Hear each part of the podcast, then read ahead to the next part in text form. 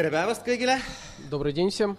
Me tänase kõne või jutluse teema on siis kirg И тема нашей сегодняшней проповеди будет э, страсть. ja ma usun, natuke kirge. И я надеюсь, что... э, Окей, я надеюсь, что это предполагает также, что с вашей стороны будет тоже, тоже какая-то доза страсти выказана. teate, kui ma tulin esimest korda siia teenistusele, Знаете, когда я первый раз пришел на службу, siis kõigepealt ma sain niisuguse väikese šoki. то прежде всего э, я получил шок. sellepärast, et need inimesed, keda ma siin kohtasin, nad olid kuidagi positiivsed, Потому что люди, которых я встретил в этом зале, они были какие-то слишком позитивные. avatud suhtlemisele, Они были открыты общению, otsisid ise kontakti. они сами искали контакта со мной. ja oleme ausad, ega see ei ole just väga niisugune tavaline pilt meie ühiskonnas. И знаете, зачастую ты не встречаешь, это, э, не сталкиваешься с этим в нашем обществе. ja see kõik tegi mind saalis istujana natukene niimoodi kõhedaks. И знаете, вот я сидел в зале, я чувствовал себя неловко. ma vaatasin neid inimesi ja mõtlesin, et kuhu ma olen sattunud Я смотрел на этих людей вокруг меня, и я думал, куда я попал? või mida nad siis tegelikult minust tahavad. Или чего же они хотят наконец-то от меня? siis, kui kõneleja läks pulti, И когда проповедник вышел, siis tundus eriti naljakas see, et igaüks hakkas oma kohalt midagi rääkima. то знаете, особенно смешным мне показалось, что каждый начал что-то говорить со своих мест. las käia, räägi, õpeta, Там типа давай, ты можешь и так далее. kõnele meile. Э, проповедуй нам.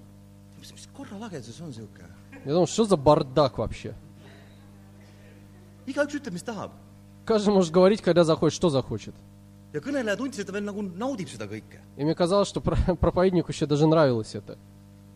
Varsti sain ma oma niisugusest šokist üle вскоре я- мой шок прошел. ja see šokk asendus teate niisuguse skeptilisusega. Этот шок, он, э, ему на смену пришла скептично, скептичное отношение. ma panin niisugune käed rinna peale risti, ütlesin no okei okay,, kui te tahate, siis mängige oma teatrit siin mulle. Я скрестил руки на груди, я подумал про себя, что ну если вы хотите играть театр, то давайте, я не буду вам мешать. mängige, teeselge, karjuge, kui tahate. Э, давайте, играйте, притворяйтесь, там можете скакать. Küll te varsti ära väsite.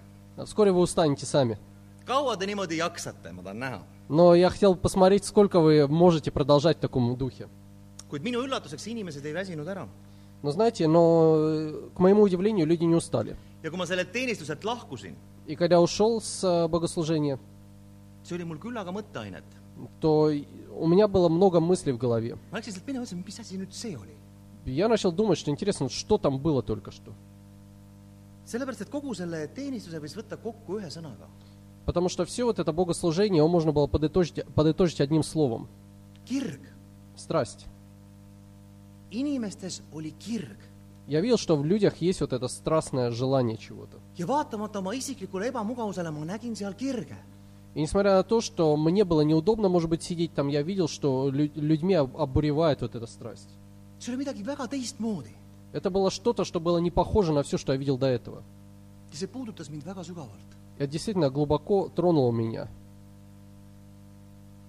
täna kakskümmend aastat hiljem, И сегодня, 20 лет спустя, samas koguduses olles, а, будучи в той же самой церкви, mulle tundub, et me oleme muutunud väga palju nii-öelda targemaks.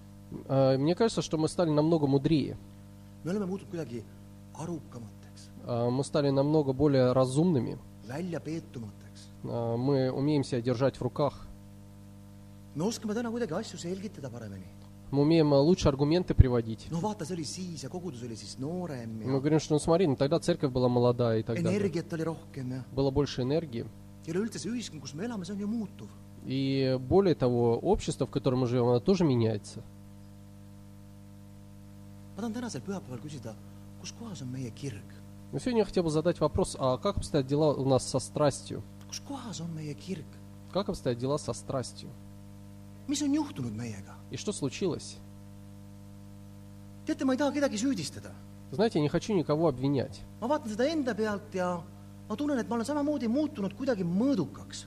Я смотрю на свою жизнь, я вижу, что я стал тоже таким э, сдержанным слишком. oleme ikka mõistlikud ja oleme väärikad ja oleme sügavad ja Но мы должны быть разумными, мы должны быть солидными, мы должны быть глубокими. Oleme ausad, ega normaalne inimene ei hüüa sealt saalist ju kuskilt las käia või? Но ведь нормальный человек не будет, прерывая проповедника, кричать что-то из зала. kuid teate, Jeesus ütleb meile midagi hoopis risti vastupidist. Но знаете, Иисус э, хочет нам донести другую мысль. ta ütleb meile, te olge nagu lapsed, Он говорит, что будьте как дети. olge nagu lapsed, lastele on väga palju asju lubatud. Будьте как дети, потому что им э, позволяются многие вещи. Paulus ütleb oma kirjades, rõõmustage, tehke oma rõõm teatavaks. И Павел пишет в своих письмах, в своих посланиях, что радуйтесь, пусть радость ваша будет всем известна. no kuidas me teeme oma rõõmu teatavaks? Но как люди узнают, что мы радуемся? istume hambad ristis pea all niimoodi või? А, Сидим просто за- сжав зубы и с- схватившись за голову. läbi mille tuleb teha teatavaks see rõõm? И через что а, проявляется эта радость? läbi selle kire, millega me armastame ja teenime Jumalat. Через страсть, с которой мы любим Бога и служим Ему. teate, kui ei ole põlemist, kui ei ole kirge, Знаете, если нет страсти, если нет э, огня в сердце, siis väga tihti esimese vabandusena öeldaksegi, et äh, teate mida või, aga ma olengi selline. то первое оправдание, которое люди приводят, это, знаешь, а я такой и есть. ma ei ole üldse kirglik inimene. Я, в общем-то, я не страстный сам по себе. ärge minult seda mingil juhul oodake. А, И не ожидайте, что я изменюсь. ja veel vähem, ärge mind sundige. И тем более не принуждайте меня к этому. ärge sundige mind kelleski, kes ma ei ole. Не принуждайте меня становиться тем, кем я не являюсь.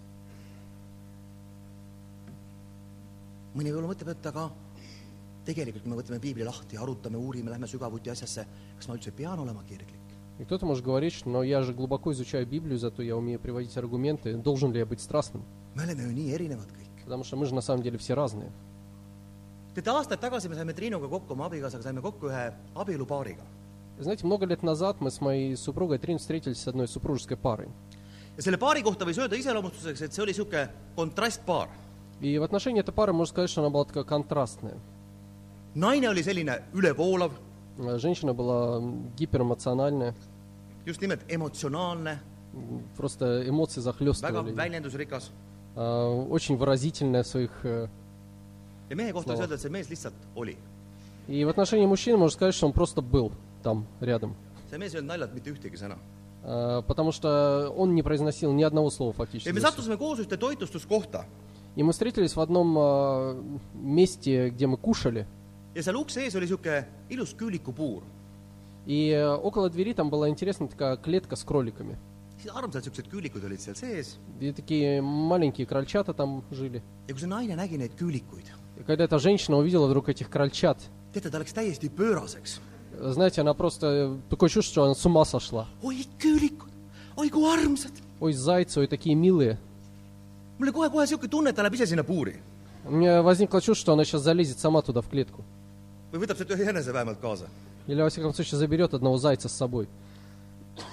ja siis see mees tema kõrval, ta lihtsalt seisis И вот э, муж ее рядом с ним он просто стоял молча, nagu kivi, как камень. Ainult pilgutas silmi ja vaatas. Только смотр- смотрел и моргал. mitte mingit emotsiooni. Ни, одной эмоции не было на ja teate, лице. niisugune asi närvi. И Знаете, на самом деле это нервирует. sa isegi ei saa aru, mis inimene mõtleb. Ты даже не знаешь, а что он думает. me saame aru, et selliseid inimesi on, И мы понимаем, что такие люди есть среди нас. kes tunduvad väga emotsioonitud. Кажется, что их эмоции вообще не трогают. Ütled talle mingisuguse põrutava uudise, et kuule, sa tead, et Obama sai presidendiks. Ты ему скажешь, «С- слушай, знаешь, Обама теперь президент опять. ta ei liiguta ka ennast. И, в общем-то, ему даже не интересно это. kuule, kas sa tead, et detsembris pidi tulema maailma lõpp? Знаешь, что в декабре будет конец света. ei, ta ei liiguta ennast. И э, тоже его не интересует. ei mingit kirge. Э, Никакой страсти. kuid teate, siis mingi suvalise asja peale ta läheb täiesti põlema. Но знаете, э, и в его жизни бывают какие-то моменты, когда он просто взрывается.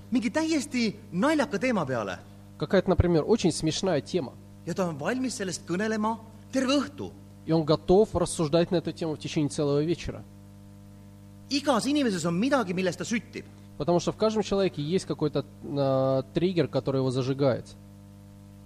Võib-olla ei ole need need teemad, mis meile sobiksid. Может быть, это не те темы, которые нас зажигают. võib-olla tõesti see ei ole Obama või see ei ole maailma lõpp või Может, действительно, Обама или там конец света его не трогают. võib-olla ei ole need üldse vaimsed teemad. А может быть, духовные темы его не aga see интересуют. inimene on valmis kirega rääkima näiteks spordist, Но он готов э, страстно обсуждать тему спорта, oma tööst, oma lastest, oma hobist. свою работу или детей, или хобби. aga ma tahan sinu käest küsida praegu, Я хочу задать тебе вопрос. kellele kuulub sinu kirg? А, что или кто зажигает тебя? И подумай об этом. kui sa pead ennast kristlaseks, kas siis sinu ja Jumala vahel on kirg? Если ты считаешь себя христианином, то в отношениях э, между тобой и Богом есть ли там страсть?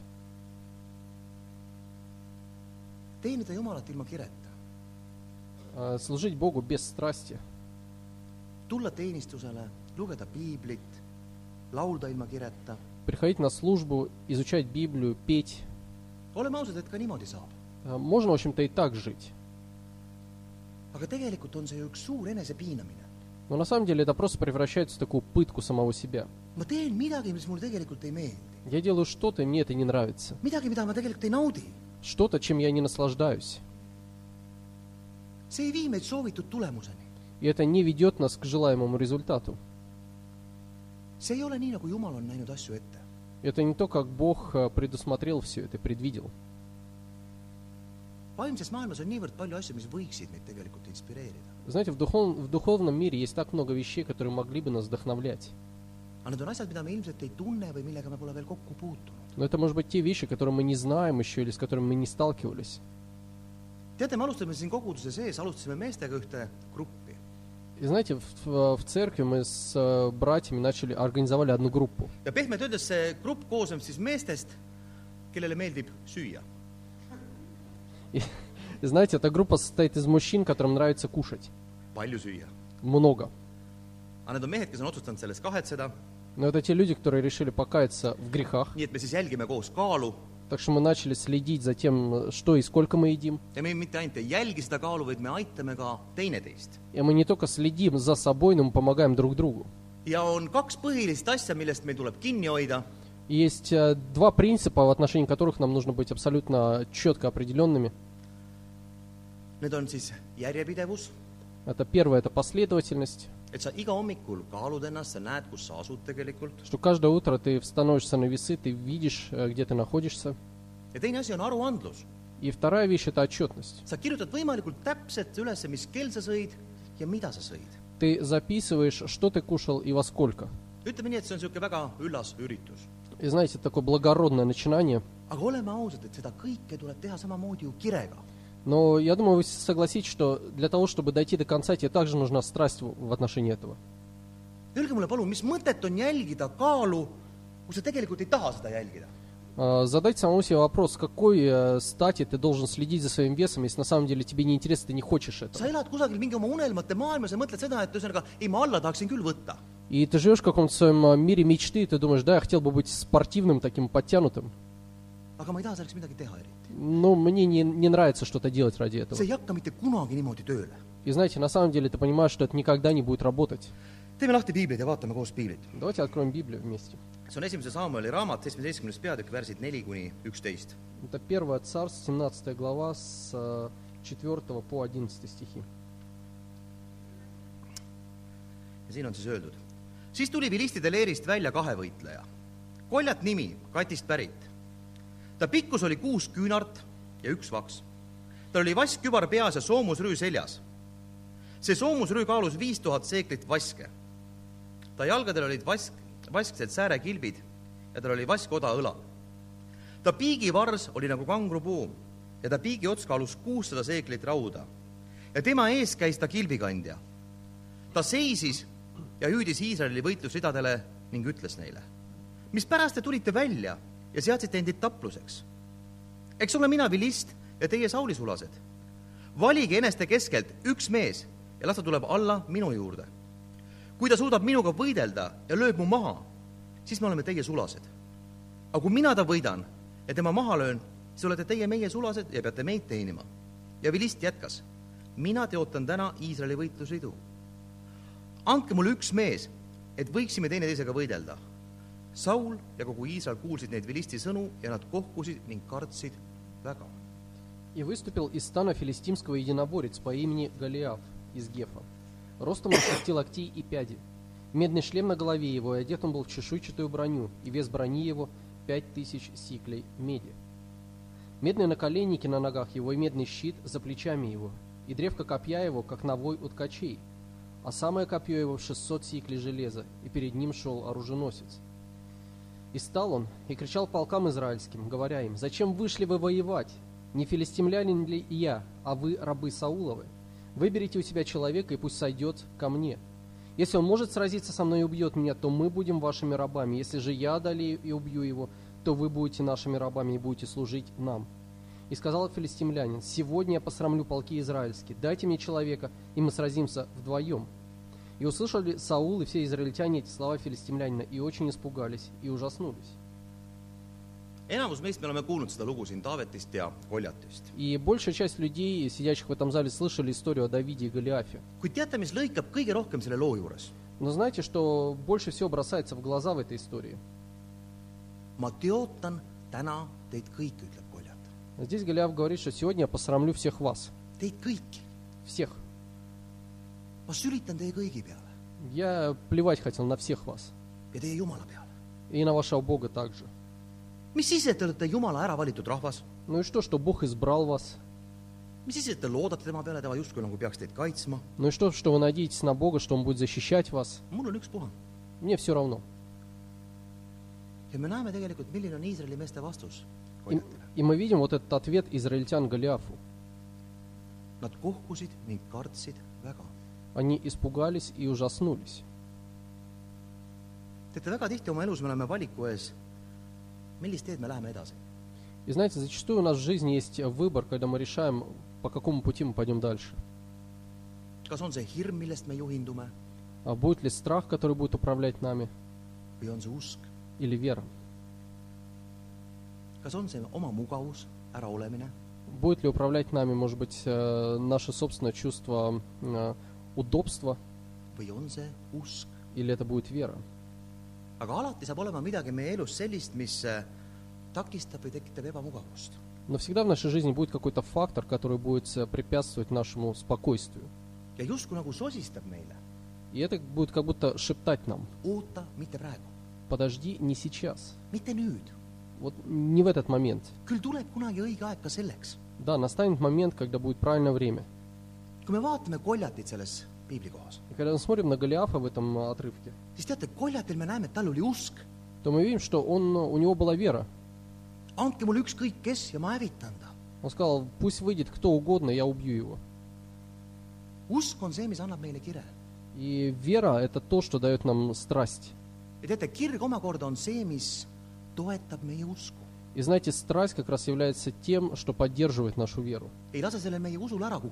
И не позволяет нашей вере упасть.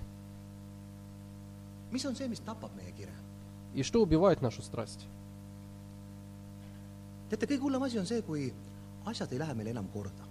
знаете, самая страшная вещь – это то, когда тебя ничего больше не интересует.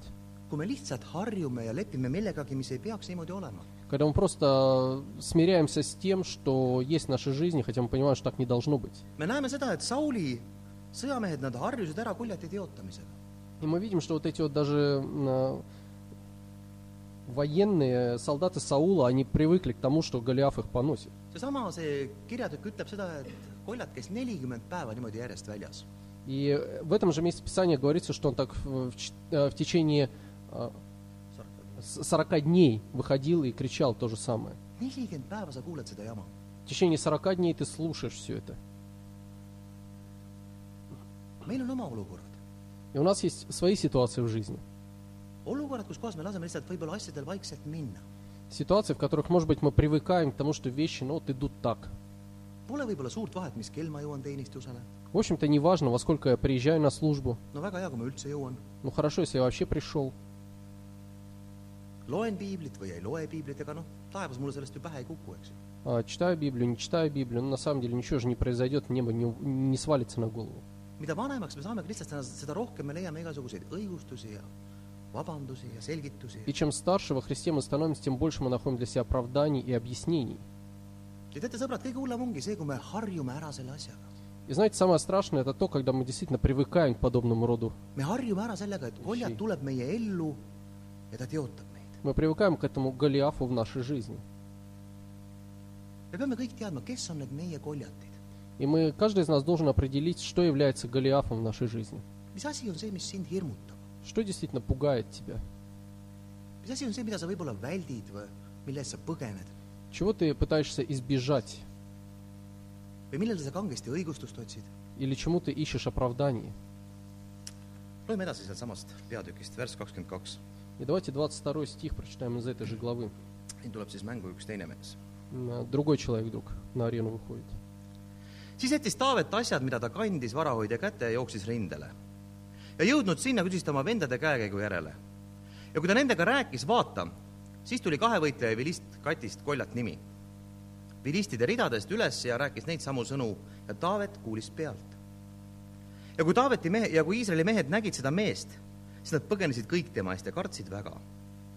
ja üks Iisraeli mees ütles, kas näete seda meest, kes äh, üles tuleb? ta tuleb muidugi Iisraeli teotama, aga selle mehe, kes lööb tema maha, lubab kuningas teha väga rikkaks. ta annab temale oma tütre ning vabastab maksust ta isakoja Iisraelis. ja Taavet küsis meestelt, kes seisid ta juures, öeldes, mis saab see mees, kes lööb selle vilisti maha ja kustutab teotuse Iisraeli pealt? sest kes on see ümberlõikamata vilist, et ta teotab elava Jumala väehulki? ja rahvas rääkis temale, mis on, mis oli kõneldud ja ütles, mida saab mees, kes lööb koljati maha Давид оставил свою ношу обозному сторожу и побежал в ряды, и, придя, спросил у братьев своих о здоровье. И вот, когда он разговаривал с ними, единоборец по имени Голиаф, филистимлянин из Гефа, выступает из рядов филистимских и говорит те слова, и Давид услышал их. И все израильтяне, увидев, увидев этого человека, убегали от него и весьма боялись. И говорили израильтяне, видите ли этого выступающего человека? Он выступает, чтобы поносить Израиля. Если бы кто убил его, одарил бы того царь великим богатством, и дочь свою выдал бы за него, и дом отца его сделал бы свободным в Израиле. И сказал Давид людям, стоящим с ним, что сделают тому, кто убьет этого филистимлянина и снимет поношение с Израиля? Ибо кто этот необрезанный филистимлянин, что так поносит воинство Бога живого? И сказал ему народ те же слова, говоря, вот что сделано будет тому человеку, который убьет его. Kui me vaatame seda lugu, me näeme juba, et Taaveti suhtumine on teistsugune. И читая эту историю, мы видим, что отношение Давида уже не похоже на отношение других израильтян. algatuseks ta mitte ei põgene probleemi eest, vaid vaatab, millega on nagu tegemist üldse. А, Прежде всего, он не, не пытается избежать проблемы, он пытается проанализировать, а что вообще происходит, mis toimub, что, что случилось, mida te värisete seal kõik? чего вы испугались все. kuid mis oli see, mis tegelikult Taavetit motiveeris selle loo juures? Но что на самом деле мотивировало Давида в этой истории? Äkki võib-olla see kuninga lubatud tütar, Может быть, э, принцесса, которую царь обещал, mis lubati siis sellele koljati mahalööjale preemiaks. которую обещали, что победитель Голиафа получит ее в жены. ma ei usu, et see tütar kuidagi motiveeris Taavetit väga. Я не верю, что царская дочка особенно мотивировала его. ta ei tundnudki seda naist, see oli nagu loterii ju. Он даже не знал, какая она, это как лотерея. eestlastel on niisugune vanasõna, et ega põrsast ju kotis ei osteta, eks ju. И знаете, как говорят, что кота в мешке не стоит покупать. sa pead ju teadma, kes see naine on, eks ju. Потому что на самом деле нужно было посмотреть сначала, тогда сказать, нужна или не нужна такая. maksuvabastus äkki? Может быть, освобождение от налогов? ma usun, et ühele juudi mehele kindlasti võis meeldida maksuvabastus. Я думаю, что евреям, в общем-то, нравится обычно, когда их от налогов освобождают. no võib-olla ta osaliselt motiveeris, Но, может быть, э, частично это мотивировало. aga surra selle maksuvabastuse nimel võib-olla see on natuke niisugune kahtlane. Но идти на верную смерть ради освобождения от налогов, в общем-то, немножко странно. see, mida me täpselt teame, on see, et Taavetit lõikas see koljati teotamine. Но то, что мы видим, что на самом деле э, сами слова Голиафа, они как-то задели за живое Давида. see, et keegi tuleb meie juurde, teotab Jumalat ja tema inimesi, Кто-то вышел и начинает оскорблять Бога и его народ. see oli see, mis läks talle südamesse. И это как раз было то, что, что тронуло его сердце. teate, läbi erinevate olukordade testib Jumal ka meie südant. И знаете, через различные ситуации Бог точно так же э, смотрит на наше сердце. И может быть, Бог не ожидает, что мы как-то физически сегодня отреагируем на какие-то проблемы. aga meie kõikide elus on selliseid olukordi, mis väga selgelt näitavad, kas asjad lähevad meile korda või mitte. Но у каждого из нас в жизни есть подобные, подобного рода ситуации, когда по твоему отношению четко видно, интересуешь тебя эти вещи или нет.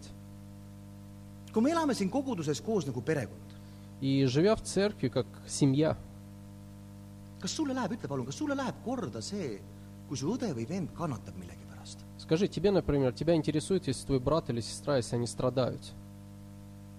kui sa elad kristlasena siin maailmas, Если ты живешь, э, будучи христианином в этом мире, kas sulle läheb korda see, et inimesed meie ümber surevad? А, Заботит ли тебя факт э, того, что люди вокруг нас умирают? surevad ilma, et nad oleksid saanud kvaliteetse võimaluse õppida tundma Jumalat. Умирают без возможности узнать о Боге что-то. küsimus on see, kas meile läheb korda, Но вопрос, конечно, к нам, что заботит ли нас все это? kas sulle läheb korda. Заботит ли тебя это? teate, on väga palju asju meie kõikide elus, mis lähevad meile korda ja mille suhtes me oleme väga kirglikud. Знаете, есть очень много вещей в нашей жизни, которые на самом деле заботят нас и в отношении которых нас воз- вы- которые вызывают у нас страстные отношения. mehed, mõelge korraks, А, Мужчины, задумайтесь. kuidas te elate kaasa spordivõistlusele? Как, например, вы э, болеете за свою любимую команду? ma ei räägi teile vettehüpetest, ma räägin teile näiteks korvpallist, Я, я не говорю о прыжках с трамплина, я говорю, например, о баскетболе, jalgpallist, футболе, kergejõustikust. о легкой атлетике. Kui kirglik oled sa kuskile minema, näiteks kalale? И насколько ты, тобой владеет страсть, когда ты должен поехать на рыбалку? teate, mul on hea rääkida, ma ise ei käi kalal, eks ju, nüüd kõik kalamehed saavad jälle. Знаете, мне приятно об этом говорить, потому что я сам не люблю рыбалку, и все рыбаки сейчас почувствовали себя плохо. võib-olla on veel midagi, kui kirglik oled sa näiteks arvutis istuma, Может быть, еще что-то? Насколько тебе нравится за компьютером сидеть? autokuulutusi lugema ja analüüsima. Читать э, объявления о продаже автомобилей и анализировать цены? lapse emad, Э, мамы, millise kirega te elate kaasa oma lapse näiteks kontserditele või võistlustele? например, как, э, насколько страстны вы, когда вы идете на концерт своего ребенка или на какое-то соревнование? kas see on vähemalt sama suur või suurem kirg, mis meil on Jumala suhtes? А, а- одолевают ли тебя те же самые чувства, которые одолевают тебя в отношении служения Богу? on need asjad võrreldavad? Можешь ли ты сравнить их? loeme edasi, värss nelikümmend neli. Давайте дальше прочитаем э, 44 стих. siis ütles Vilist Taavetile, tule mu juurde, ma annan su liha lindudele taeval ja loomadele väljal. ja Taavet ütles Vilistile, sina tuled mu juurde mõõga, piigi ja odaga. aga mina tulen su juurde vägede issanda, Iisraeli väehulkade Jumala nimel, keda sa oled teotanud. täna annab issand su minu kätte, et ma su maha lööksin ja su pea raiuksin. ja ma annan vilistide sõjaväe laevad täna lindude taeva, lindudele taeva all ja metsloomadele maa peal. ja kogu maailm saab teada, et Iisraelil on Jumal ja kogu see väehulk saab teada, et issand ei päästa mitte mõõga ega piigi abil, sest see on issanda võitlus. tema annab teid meie kätte. ja sündis, kui vilist tõusis ja tuli ning lähenes, et Taavetit kohata, siis rutas Taavet ja jooksis rinde poole vilistile vastu. ja Taavet pistis käe pauna, võttis sealt kivi ja lingutas ning tabas vilistit otsa ette. kivi tungis laupa ja ta langes silmili maha. nõnda sai Taavet vilistist jagu lingu ja kiviga. ta lõi vilisti maha ja surmas tema aga Taavetil ei olnud mõõka käes. siis Taavet jooksis ning astus Vilisti juurde. ja ta võttis tema mõõga, tõmbas tupest ja surmas tema ning raius sellega ta pea maha. ja kui vilistid nägid, et nende kangelane oli surnud, siis nad põgenesid. aga Iisraeli ja Juuda mehed tõusid ning tõstsid sõjakisa ja nad ajasid vilisteid taga kuni Kati teeg lahkmelini ja kuni Ekroni väravateni. ja maha löödud vilistid langesid Saarimi teele kuni Kati ja Ekronini. И сказал филистимлянин Давиду, «Подойди ко мне, и я отдам тело твое птицам небесным и зверям полевым». А Давид отвечал фи- филистимлянину, «Ты идешь против меня с мечом и копьем и щитом, а я иду против тебя во имя Господа Саваофа, Бога воинств израильских, который ты поносил. Ныне предаст тебя Господь в руку мою, и я убью тебя, и сниму с тебя голову твою, и отдам трупы войска филистимского птицам небесным и зверям земным, и узнает вся земля, что есть Бог в Израиле. И узнает весь этот сон, что не мечом и копьем спасает Господь, ибо это война Господа, и Он предаст вас в руки наши. Когда филистимлянин поднялся и стал подходить и приближаться навстречу Давиду, Давид поспешно побежал а, к строю навстречу филистимлянину. И опустил Давид руку свою в сумку, и взял оттуда камень, и бросил из прощи, и поразил филистимлянина в лоб, так что камень вонзился в лоб его, и он упал лицом на землю. Так одолел Давид филистимлянина прощою камнем, и поразил филистимлянина, и убил его. Меча же не было в руках Давида. Тогда Давид подбежал и, наступив на филистимлянина, взял меч его и вынул его из ножен, ударил его и отсек им голову его. Филистимляне, увидев, что силач их умер, побежали. И поднялись мужи израильские и иудейские, и воскликнули, и гнали филистимлян до входа в долину и до ворот Корона. И падали поражаемые фили- филистимляне по дороге Шааримской до Гефа и до Корона. on paar asja, mida ma tahaksin Taaveti puhul. И знаете, несколько вещей, которых я, которыми я хотел бы охарактеризовать Давида. esimene asi on see, et paneme hästi tähele, et Taavet teeb sellest lahingust Jumala lahingu. Первая вещь, как вы заметили, что Давид говорит, что это не его борьба, это, это битва Господа. ta ei näita ennast selles lahingus. Он э, не превозносит свою роль.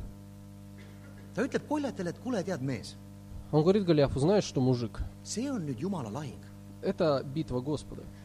sellepärast , et sa oled Jumalat teotanud ja Jumal on see , kes annab su nüüd minu kätte . Потому что ты оскорбил имя Господа, и поэтому Бог предаст тебя в мои руки. mina , väike mees , saan olema ainult see , kes annab sulle kiviga vastu pead . А, Я, в общем-то, маленький человек, я просто возьму камень и стукну тебя по голове им. teate , väga tihti me pöördume Jumala poole alles siis , kui me oleme kõik muud variandid läbi proovinud ja asjad on läinud kuidagi hapuks . И знаете, зачастую мы обращаемся к Богу за помощью только тогда, когда, мы все варианты попробовали, и у нас ничего не получилось. И мы думаем, мы молимся, что Бог, помоги теперь. Бог, теперь, когда я все же попробовал, ничего не получается, теперь ты нужен мне. Но на самом деле это не должно быть так. Давайте научимся просто бороться борьбой Господа. ja õpime kaasama teda kohe situatsioonidesse. И давайте действительно вовлекать Бога в наши ситуации в самом начале. millised võivad olla need meie olukorrad, kus me siis vajame Jumalat? И какими могут быть наши ситуации в жизни, когда нам нужда, э, мы нуждаемся в Боге? kuhu ja kuidas võtta Jumal kaasa? И куда мы можем э, вовлекать Бога, в какие ситуации? lihtsalt mõningad näited. Примеры, например. näiteks mingisugused rasked olukorrad sinu sugulastega, Например, какие-то сложные ситуации с твоими родственниками, väljakutsed töö juures, э, вызовы на работе. kas siis meie endi või meie lähedaste tervis, А, Например, твое собственное здоровье или здоровье твоих близких. töökaotus, rahaprobleemid, А, Потеря работы, проблемы финансовые. neid on veel ja veel, aga meie asi on tuua Jumal nendesse olukordadesse sisse kohe. И на самом деле наша задача просто вовлечь Бога в эти ситуации в самом начале. teine moment selle Taaveti И второй момент, который я хотел бы, на который я хотел бы обратить ваше внимание.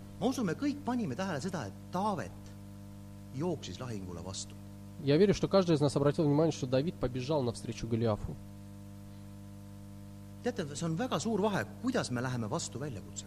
Знаете, на самом деле там есть большая разница, как мы идем навстречу своим вызовам. sellepärast me võime ju neid asju lõputult kuhugi lükata, Потому что на самом деле мы можем все это откладывать, сражение до бесконечности. Можем пытаться избежать этого. Но в конце концов мы все равно обнаружим, что эта ситуация, си- ситуация она сама нашла нас. И Давид, он не остался на своем месте ждать. Он э, не стал ждать, что ему Голиаф будет отвечать на его речь. teate, kui me jääme oma koljatit liiga pikalt vaatama või kuulama, И знаете, если мы слишком долго смотрим на Голиафа, который приближается к нам, то мы можем быстро потерять веру. Мы видим большую проблему, и нам кажется, что ну, на самом деле она действительно большая. И что теперь делать? И Богу нравится, когда мы бежим навстречу своему сражению. Потому что это показывает степень нашего доверия Ему. see näitab , et ta on meie silmis suur ja võimas . Это показывает, что в наших глазах Бог великий. tänane viimane kirjakoht on Jesaja raamatust И последнее место Писания сегодня будет из книги пророка Исаии. ja saja kakskümmend kaheksa värsid viis ja kuus . 28 глава с 5 по 6 стихи. sel päeval on vägede issand ilusaks krooniks ja kauniks pärjaks oma rahva jäägile ja õiguse vaimuks kohtus istujale ning rammuks neile , kes tõrjuvad tapluse tagasi väravasse . Тот день Господь Саваоф будет великолепным венцом и славную диадемой для остатка народа своего, и духом правосудия для сидящего в судилище, и мужеством для отражающих неприятеля до ворот. piibel lubab meile, et Jumal on meiega. И Библия обещает, что Бог будет с нами. see on Jumalale meelepärane suhtumine , kui me jookseme oma väljakutsele või lahingule vastu . И Богу нравится, когда мы бежим навстречу своей проблеме, чтобы решить ее. ja nagu ütles see kirjakord , me hävitame vaenlase juba eos , väravas . И как это местописание говорит, что еще в воротах мы поражаем своего врага. meie elukogemus on näidanud seda , et probleemid ei lahene iseenesest , И знаете, э, жизнь показывает, э, что проблемы сами по себе не решаются. lähevad ainult hullemaks . На самом деле они эскалируются. Точно так же дела обстоят и в духовном мире. И Бог обещает в этом отрывке, что Он сам будет для нас этим мужеством.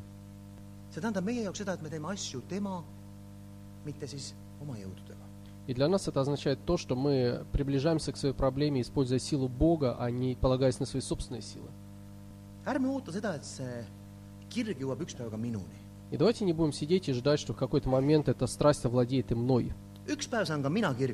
Что я буду сидеть, и в какой-то момент вдруг на меня see päev. Но, может быть, не ближайшие 10 лет, но когда-нибудь в будущем, конечно же, он придет.